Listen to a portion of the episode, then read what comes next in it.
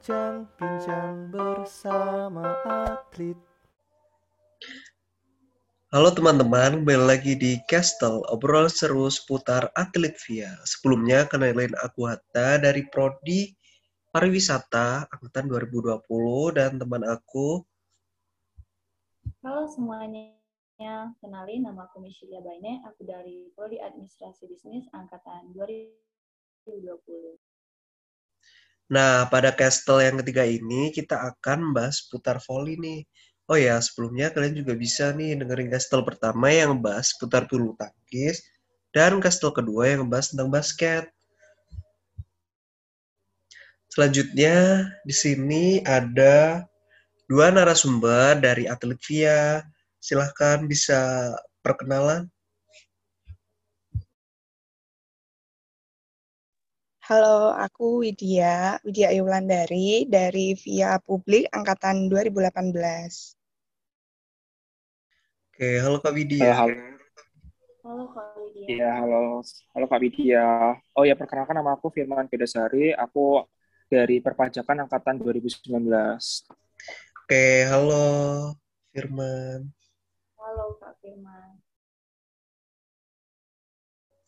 Nah, uh, kita akan ngebahas seputar volley nih. Oke, aku mau tanya, hal apa sih yang bikin kalian minat untuk bermain volley? Mungkin bisa dijawab Firman dulu.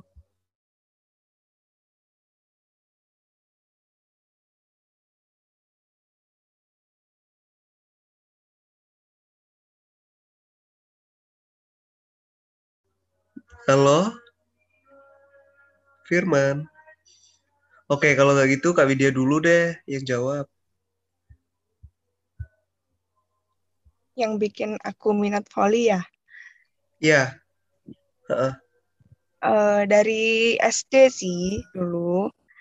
Sebenarnya dikenalin sama orang tua, jadi nggak langsung, eh aku pengen volley nggak gitu. Jadi dikenalin sama orang tua, akhirnya berlanjut, berlanjut, berlanjut sampai SMP, SMA, terus jadi suka gitu. Oh, oke, okay, Kak Widya. Oke, okay, lanjut Firman. Uh, kalau aku sendiri tuh sama sama Kak Widya ya sebenarnya. Dari SD juga, dari kenalin, mungkin dari kelas 3 atau kelas 4 gitu sih, aku lupa. Nah itu karena biar uh, aku tuh nggak sering main ke yang tempat aneh-aneh gitu loh, jadinya diaren sama orang tua aku tuh untuk ngembangin minat dan bakat itu di arah volley gitu. Dan ternyata di jalan juga seru-seru sih. Uh, suara aku nggak kedengeran ya, Ta? Denger kok, denger, denger. Oke, okay, oke. Okay.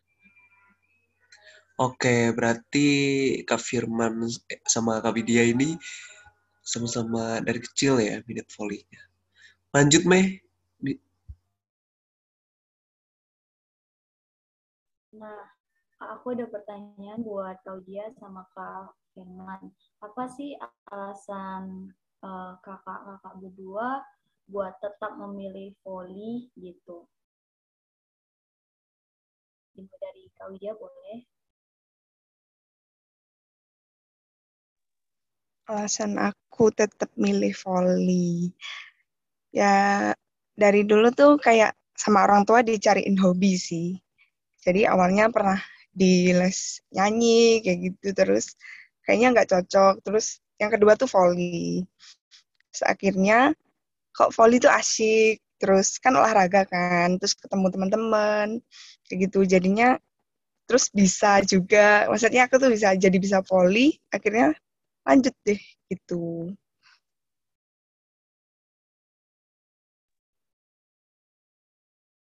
Oke, Kak buat Kak Firman, boleh?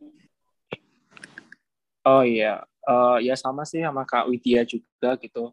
Dari SD itu juga kayak apa ya, eh, seru-seru uh, gitu loh kalau misalnya main volley gitu ternyata kayak lebih apa ya kan kan volley juga mainnya tim ya. Jadi kayak ngelatih kerjasama dan lain sebagainya gitu. Nah jadi seru gitu kalau misalnya main volley gitu. Jadi udah dari kecil tuh udah senang sih dari volley itu. Makanya kayak minat aja gitu.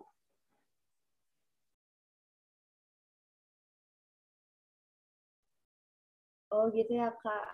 Emang sih kak, uh, aku juga aku kalau volley itu asik banget gitu karena uh, maininya bareng-bareng sama kawan. Juga kita bisa kerjasama. Oke, lanjut ke pertanyaan. Oke, sekarang kan musim pandemi kayak gini. Pas itu uh, ada perbedaan di kayak latihan-latihan sebelum pandemi. Nah, apa sih perbedaan latihan saat pandemi dan sebelum pandemi? Buat Firman, boleh dijawab?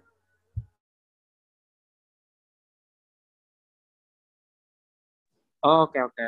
Ya pasti beda banget ya, Ta ya. Kalau misalnya offline sama online kayak gini. Maksudnya apa ya, pandemi sama sebelum pandemi itu pasti beda banget.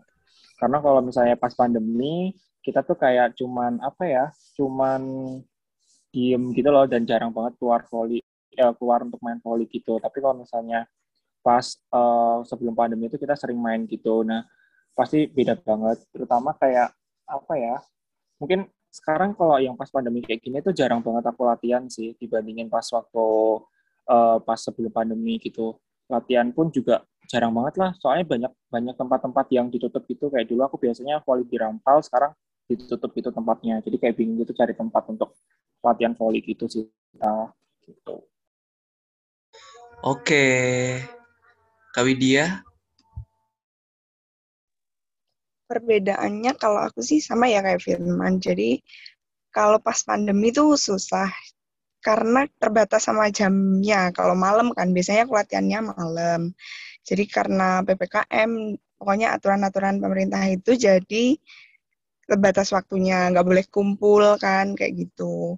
Bedanya kalau sebelum pandemi kan bisa ya langsung kita uh, jam segini volley langsung bisa gitu. Kalau sekarang nyari tempat yang bisa terus orang-orangnya pada mau latihan tuh susah sih kayak gitu. Oke. Uh, jadi kalau waktu pandemi ini agak lebih terbatas ya waktunya daripada yang sebelum pandemi yang bebas gitu sampai malam gitu. Oke Mei, lanjut ke pertanyaan selanjutnya. Oke, nah kalau tadi tentang perbedaan latihan, sekarang aku mau nanya nih tentang perbedaan cara eh, kakak-kakak berdua menjaga kebugaran, kebugaran tubuh di di era pandemi ini. Kalau biasanya kan dahulunya kita bisa kayak jogging-jogging itu di luar, olahraga di luar. Sekarang harus serba di rumah gimana sih caranya kakak-kakak berdua menjaga kebugaran tubuh selama pandemi saat ini? Boleh Kak Firman dulu deh.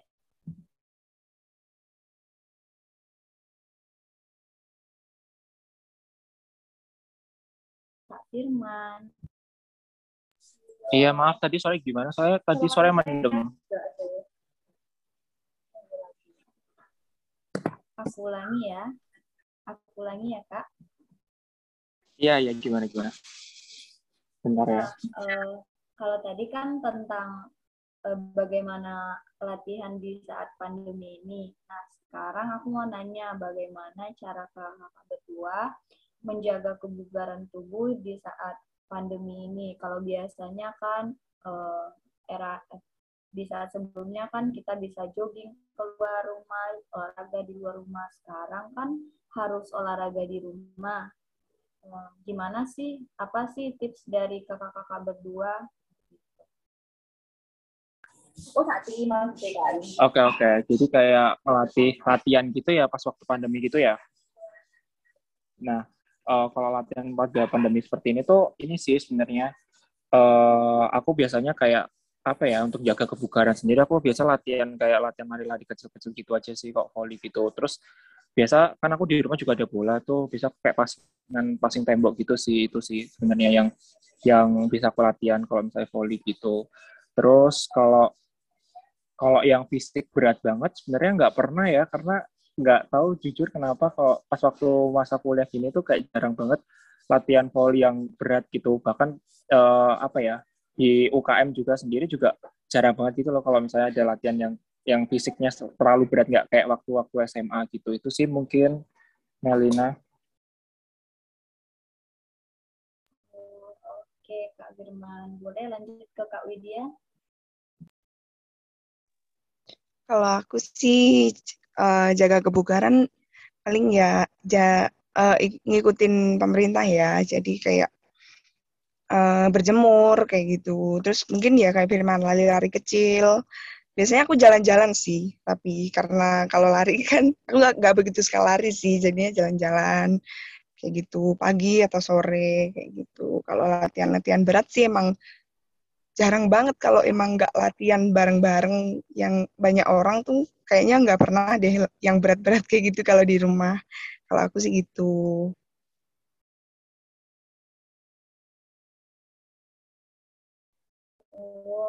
Itu ya Kak. Jadi masih ada cara ya, masih banyak cara buat kita uh, untuk menjaga kebugaran tubuh saat pandemi ini. Oke, boleh lanjut ke pertanyaan berikutnya. Oke, aku lanjut ya. Ada nggak sih turnamen yang paling berkesan gitu buat Kak Widya sama Firman? Kalau ada boleh diceritain. Turnamen apa gitu? Uh, mungkin dari siapa ya? Uh, Kak Widya dulu deh. Siapa nih? Siapa dulu nih? Aku atau Kak Widya dulu? Kak Widya, Kak Widya. dulu deh. Firman dulu deh. oh, dari aku dulu. Oke, oke. Uh, turnamen yang paling berkesan tuh waktu aku Liga Remaja di Surabaya sama waktu turnamen terakhir di Majung Cup ya karena pas waktu di di mas waktu Majung Cup itu itu tuh turnamen terakhir kali dan turnamen pertama kali pada waktu aku kuliah. Kalau di Liga Remaja itu memang uh, pada waktu itu dikit lagi tuh aku sama teman-teman timku tuh mau juara gitu loh, tapi kita kalah dan selisihnya tipis karena suatu hal kayak gitu sih. Tapi overall sebenarnya turnamen apa pun tuh berkesan sih menurut aku gitu. Gitu sih kok dari aku. Karena setiap turnamen itu punya punya feel-nya sendiri-sendiri gitu loh dan punya pengalaman atau experience yang sendiri-sendiri gitu loh gitu. Oke, Kak Widya? Kalau aku sih setuju sih sama Firman yang tiap turnamen tuh pasti seru gitu, pasti ingetin kita akan sesuatu kejadian kayak gitu. Tapi kalau yang paling aku inget tuh aku pernah yaitu cedera sih. Tapi aku tuh inget banget, jadi kayak sampai sekarang kayak pas waktu itu tuh kayak aku lagi istilahnya bagus gitu, mainnya bagus terus tapi gara-gara cedera jadi kayak sedih, harusnya menang kayak gitu. Itu uh, kayaknya Popda sih kayaknya di Pacitan 2017. Terus sama ya sama sih di Macung yang terakhir itu kayak uh, habis itu udah nggak main lagi, nggak turnamen kayak gitu. Oke, kurang lebih hampir sama ya. Oke, Mei, bisa nih lanjut. Oke, kalau tadi tentang ikutin turnamen-turnamen, sekarang aku mau nanya nih, kakak-kakak berdua ada nggak uh, nonton turnamen bola voli kayak Pro Liga atau Liga Voli di luar negeri gitu-gitu? Ada nggak kak? Uh, buat Kak Firman dulu boleh lah.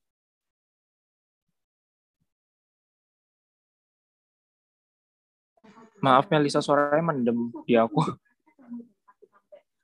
Uh, mungkin gini, ada nggak sih uh, pro liga atau liga volley di luar negeri yang diikutin gitu? Maksudnya kayak ditonton gitu. Misalnya apa gitu? Ada nggak sih, Mang? Oh. Oke, okay, oke. Okay. Ada sih. Kalau aku sendiri itu uh, apa ya? Terakhir kali aku ngikutin ini apa namanya waktu Olimpiade uh, Olimpiade Tokyo kemarin ya aku sempat ngikutin gitu sampai sampai final pun aku ngikutin sih. Kalau yang turnamen-turnamen kayak sampai sejauh kayak Liga Turki, Liga yang yang liga besar-besar kayak gitu, aku jarang ngikutin kalau luar negeri. Uh, jujur juga kalau di Pro Liga sendiri aku juga nggak terlalu ngikutin yang ada di Indonesia gitu sih. Mungkin itu sih kata. Oh oke okay, oke okay, oke. Okay. Kak Widya? Kalau aku justru ngikutin yang proliga proliga sih dari dulu. Tapi akhir-akhir ini mungkin kayak tahun kemarin ya, gara-gara pandemi itu eh, proliga terakhir lah. Itu aku udah nggak ngikutin sih. Tapi kayak kalau luar negeri itu jarang sih lihat. Jadi ya malah Proliga itu sih aku sering nonton dari dulu. Gitu. Oke. Hmm, pertanyaan selanjutnya, ada nggak sih persiapan yang dilakukan gitu agar uh, biar nggak grogi saat bertanding. Biasanya kan kalau kita mau kayak tanding itu ada agak groginya gitu kan. Ada nggak sih kakak-kakak ini uh, cara agar biar nggak grogi gitu? Uh, dari Kak Widya boleh? Oke, cara biar nggak grogi. Yang pertama sih pastinya latihan sih ya. Jadi kayak latihan-latihan terus. Karena kan kalau langsung main tuh pasti ya grogi sih. Meskipun sering latihan, tapi kalau mau turnamen tuh nggak latihan, pasti ada kayak, aduh bisa nggak sih, masih bisa nggak sih. Jadi kayak harus tetap latihan. Terus yang kedua tuh mental sih. Harus sering-sering dilatih. Soalnya kalau meskipun kita latihan tiap hari sebelum kita turnamen, tapi kalau mental kita tuh lihat lawan aja udah takut, ya percuma gitu. Pasti hilang sih, pasti itu. Jadi kayak harus jaga mental pasti meskipun lihat ah, lawannya susah nih, tapi kita bisa kok. Kita kan juga latihan sama kok. Kita kan mainnya juga bersama tim gitu, sama ada teman-teman gitu, nggak sendirian. Jadi aku biasanya gitu sih. Jadi kan ada teman-teman yang bisa semangatin kayak gitu. Jadi jangan takut, terus sering pokoknya uh, rajin latihan, kayak gitu sih kalau dari aku jaga mentalnya. Oh iya bener banget sih kak. Uh, yang penting tuh semangat dari tim tuh bisa banget tuh buat kita biar nggak grogi. Uh, Firman mungkin?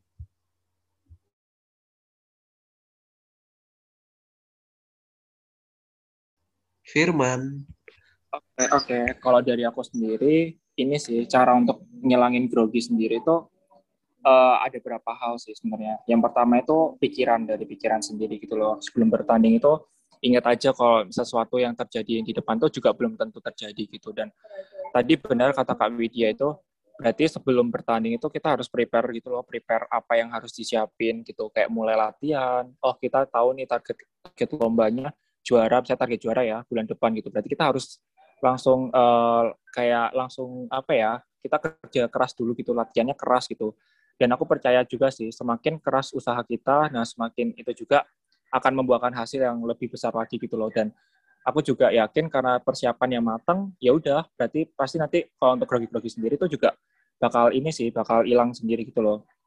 Terus yang kedua itu ada faktor eksternal sama internal. Nah, kita kita fokus nama yang faktor internal gitu. Faktor internal itu yang yang ada dalam diri kita sendiri. Berarti yang bisa kita kendaliin gitu. Jadi ya udah uh, kita ngendalin diri kita sendiri. Nah, terus sama apa ya, yakin aja gitu kalau mainnya main bagus aja dulu gitu. Kalau misalnya kita fokus takut kalah, takut ini, takut itu, tentar tambah tambah rusak itu permainannya. Jadi kayak ya udah deh fokus aja dulu main-main aja dulu gitu menurut. Itu sih kalau cara aku ngilangin grogi gitu. Terus jadiin kayak kan biasa kalau tarkam gitu kan banyak banget hujat dan lain sebagainya gitu. Ya udah jadiin yang olok-olokan itu tuh jadi pembuktian gitu loh. Itu sih mungkin aku kalau dari aku. Oke mantep banget nih Firman cara lainnya mungkin buat temen-temen yang masih grogi atau kurang pede gitu sebelum pertandingan bisa nih cara-cara uh, yang diberikan kakak ini untuk lakukan gitu. Uh, lanjut meh nah sekarang udah ke pertanyaan terakhir nih. Um, dari sekian banyak hal-hal yang udah kita perbincangkan, uh, apa sih pesan dari kakak-kakak berdua buat Olivia untuk ke depannya? Boleh deh dari Kak Widya dulu. Pesan buat Olivia ya semoga yang pertama semoga pandemi cepat selesai sih kita bisa kumpul lagi biar ada latihan lagi. Ya semoga anak-anak nanti ya semoga anak-anak nanti semakin kompak sih. Bi jadi uh, selalu ikut latihan gitu. Biar biar Via tuh kan terkenal bagus kan volleynya. Nah, itu harus dipertahankan sih Kalau aku menurutku gitu. Dan uh, kalau sama temen ya kan kita tuh pasti dari beda-beda daerah kan. Kita tuh kumpul buat latihan. Mungkin ada hal yang kadang kita tuh nggak paham sama temen kita. Ya itu nggak apa-apa buat tantangan sama kita biar kita tuh bisa tetap kompak gitu itu tuh dijaga sih biasanya kalau aku yang ngalamin tuh gitu pernah kayak apa ya teman-teman ada sih kayak pastilah kalau kita kan sama temen pasti pernah dengar kecil gitu hal-hal yang bikin kita nggak seneng apa ya diomongin gitu biar tetap kompak kayak gitu sih Oke Kak Widya, makasih. Lanjut boleh ke Kak Firman. Oke. Eh, di sini keramaian nggak? Kedengeran nggak? Enggak, enggak. Enggak ya? Oke. Oke, pesan-kesan ya, kayak pas waktu pandemi.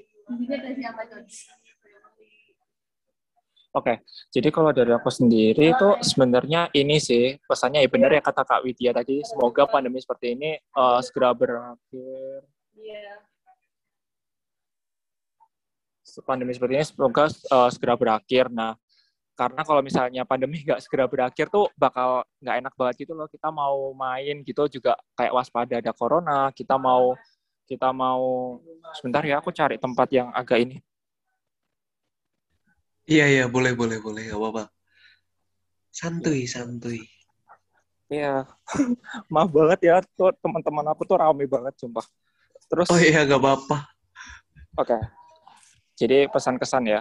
Uh, pesannya itu kayak semoga itu pandemi seperti ini kayak segera berakhir gitu. Karena kalau misalnya pandemi ini tetap ada gitu kita mau main tuh juga nggak enak gitu loh. Karena kan dibayang-bayangin sama corona gitu kan.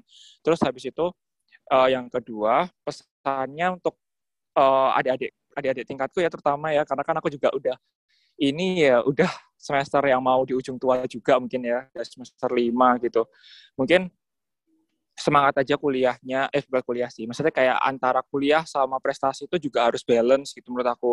Dan menurut aku juga latihan volley di di fakultas itu juga apa ya terutama mafioso udah udah mewadahi gitu loh untuk kalian kan untuk kembangin minat dan bakat kalian gitu. Jadi menurut aku tuh pas banget sih untuk kalian dan semoga kita juga bisa apa ya ada nggak ada alasan lagi nih untuk kita nggak mau latihan lagi karena hujan atau karena apa pun gitu.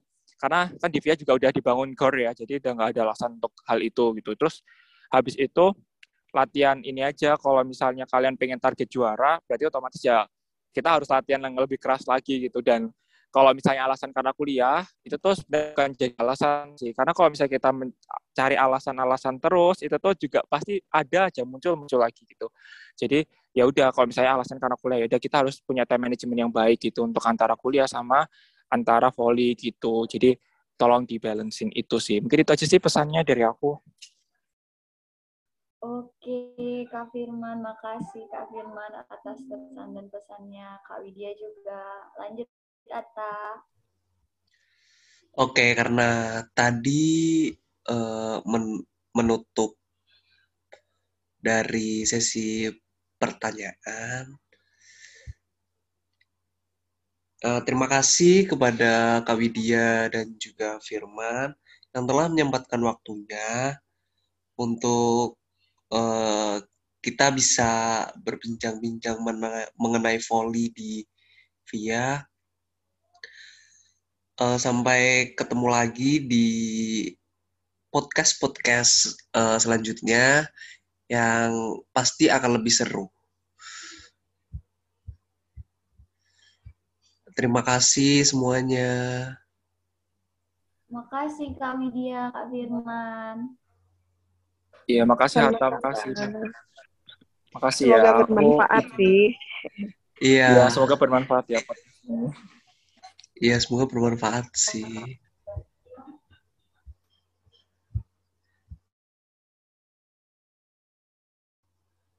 Oke, Kak Widya, Kak Firman, boleh live, Kak. Makasih ya Kak udah luangin waktunya. Makasih Kak Widya. Ya, sama-sama. Izin live ya. Iya, oke. Okay.